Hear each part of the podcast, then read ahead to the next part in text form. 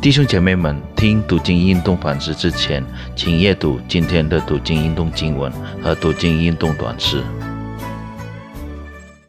主内弟兄姐妹平安，感谢主赐给我们平安与喜乐的心，让我们在我们的人生道路上时刻都能感受到主的爱与主的同在。现在，让我们来思想主的话语，让主的话语带领我们的每一步。成为我们脚前的灯，路上的光，让我们都行在主所喜悦的道上。现在，让我们一起低头祷告。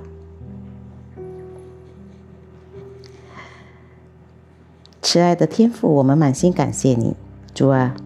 现在我们要以谦卑的心来思想你的话语，求主赐给我们聪明智慧，使我们都能够明白你的旨意，遵行你的旨意，逃出你的喜悦。感谢主。祷告，奉主名求，阿门。今天我们所要思想的经文取自于诗篇第九十一篇，主题是亲近主的渴望。此刻，让我们预备我们的心来阅读这篇经文，然后静下心来思想主的话语。在此，我们一起阅读第九十一篇第九到十六节。耶和华是我的避难所。你已将至高者当你的居所，祸患必不临到你，灾害也不挨近你的帐篷，因他要为你吩咐他的使者，在你行的一切道路上保护你。他们要用手托着你，免得你的脚碰在石头上。你要踹在狮子和毁蛇的身上。践踏少壮狮子和大蛇。神说：“因为他专心爱我，我就要搭救他；因为他知道我的名，我要把他安置在高处。他若求告我，我就应允他。他在急难中，我要与他同在，我要搭救他，使他尊贵。我要使他。”主享长寿，将我的救恩显明给他。弟兄姐妹们，主经常允许坏事发生在信徒的生活里，这样的事在圣经中多次被记载。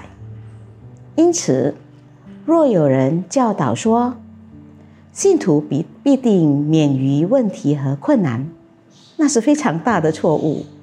很明显的，信徒也会经历坏事。今天的经文清楚的描述了这一点。黑夜的惊骇和瘟疫，表明了祸害是可能发生在主的子民的生活中的。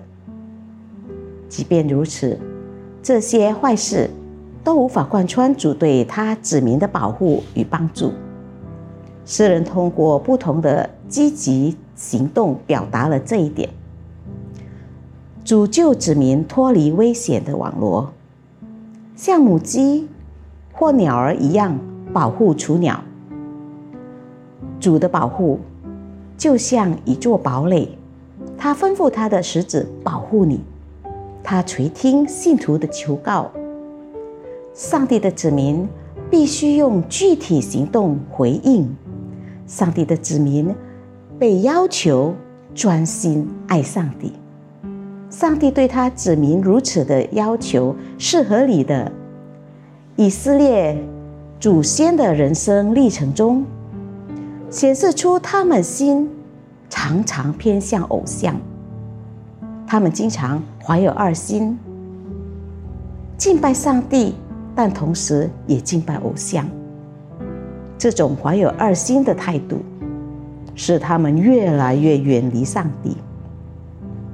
上帝的子民应该全心全意的敬拜上帝，回应他们从上帝得到的爱。上帝的子民必须预备时间与上帝建立关系，无论是通过敬拜，或通过在日常生活里顺服上帝的吩咐。上帝的子民必须培养聆听上帝话语的敏感度。如果说过去，上帝的子民是通过先知的口聆听上帝的话，那么今天上帝的子民就必须聆听已经被完整写成文字的神的话语。愿你听主的话语，就是一种渴望亲近主之心的表现。您在生活中是否经历过各种坏事？请相信，你所经历的坏事都在主的掌控之中。允许坏事发生的主，会帮助你度过这一切。我们一起低头祷告，亲爱的主耶稣，我们满心感谢你，你的话语再次安慰我们。无论在我们的生活中遇到任何的困境，但你应许我们。你必不离开我们，你必不离弃我们，你的爱常与我们同在。你是我们的避难所，是我们的山寨，是我们的神，是我们的依靠。我们满心感谢你，主啊，我们的心渴慕你，我们要亲近你。求主怜悯我们，使我们配得成为你的儿女。我们要信靠顺服你，活出基督，荣耀主名。感谢主。祷告，奉主耶稣基督圣名祈求，阿门。弟兄姐妹，再见！愿主耶稣的爱与平安喜乐常与我们同在，阿门。